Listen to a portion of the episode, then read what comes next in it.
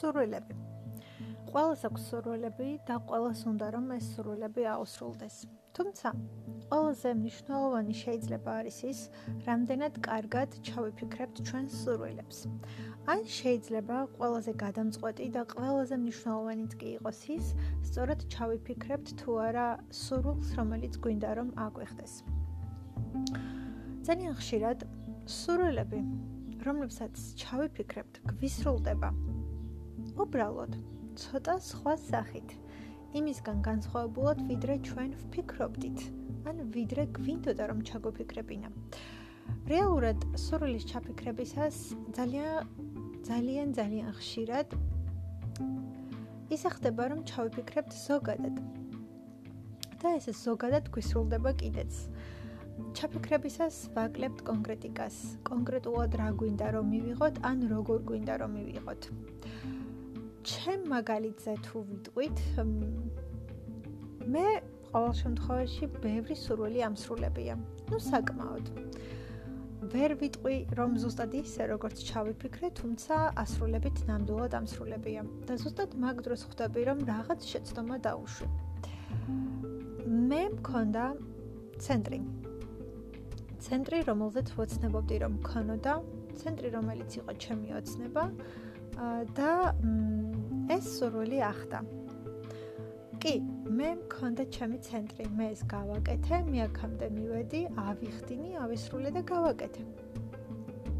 თუმცა, ალბათ უფრო მეტი დეტალი უნდა დამემატებინა ჩემს სურვილებში ამ არსებული სურვილისათვის.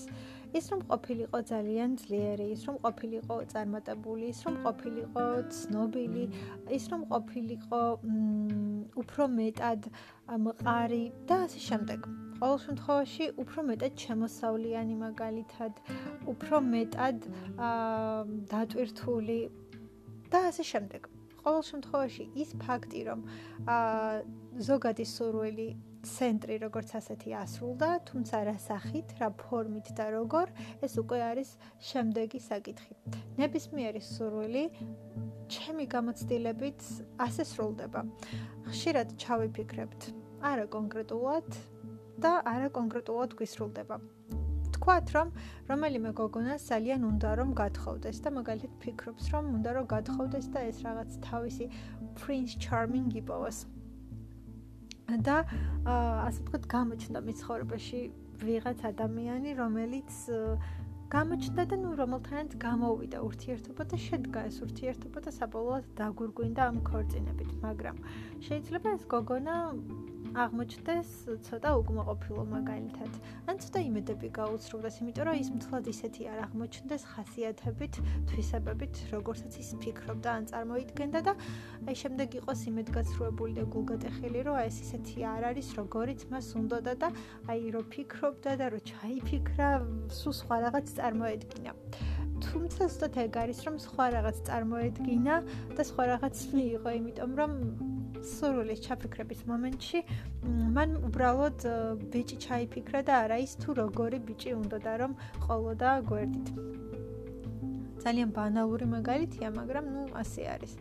ან მაგალითად თუ გვინდა რომ დავწეროთ ციგნი, შეიძლება ეს თქვათ ოცნებებზე და სურვილებზე არ იყოს დამოკიდებული, იმიტომ რომ რეალური ქმედება უფრო მეტად ჭირდება, თუ გინდა რომ დაწერო ციგნი, უნდა დადგე და დაიწყო წერა, მაგრამ გინდა რომ ნუ დაწერო ციგნი და ეს ციგნი გამოვიდეს და ნუ ეს სურვილი აგისრულდა. რომ დაწერე კიდეც და გამოვიდა კიდეც და ეს რაღაცა იყო ის, რაც შენი სურვილის ნაწილი იყო და რაც გინდოდა, მაგრამ მაგალითად ეს ციგნი არ იყოს ისეთი გაყიდვადი, არ იყოს მკითხველისთვის საინტერესო. და უბრალოდ ციგნის მაღაზიებში თაროზე იყოს შემოდებული ისე რომ ტვერი ედებოდეს და შენ ახაც იყო იმედ გაცრუებული იმიტომ რომ რამდენი რამ გააკეთე როგორი წვალე და რაღაცნაირად არ გამოვიდა. ალბათ იმიტომ არ გამოვიდა რომ ჩაგეფიქრებინა რომ მინდა დავწერო ძალიან წარმატებული ციგნი რომელიც იქნება საინტერესო და გაყიდვადი და მკითხველს ძალიან მოეწონება. და მოუნდება რომ ეს ციგნი ძალიან ბევრჯერ წაიკითხოს.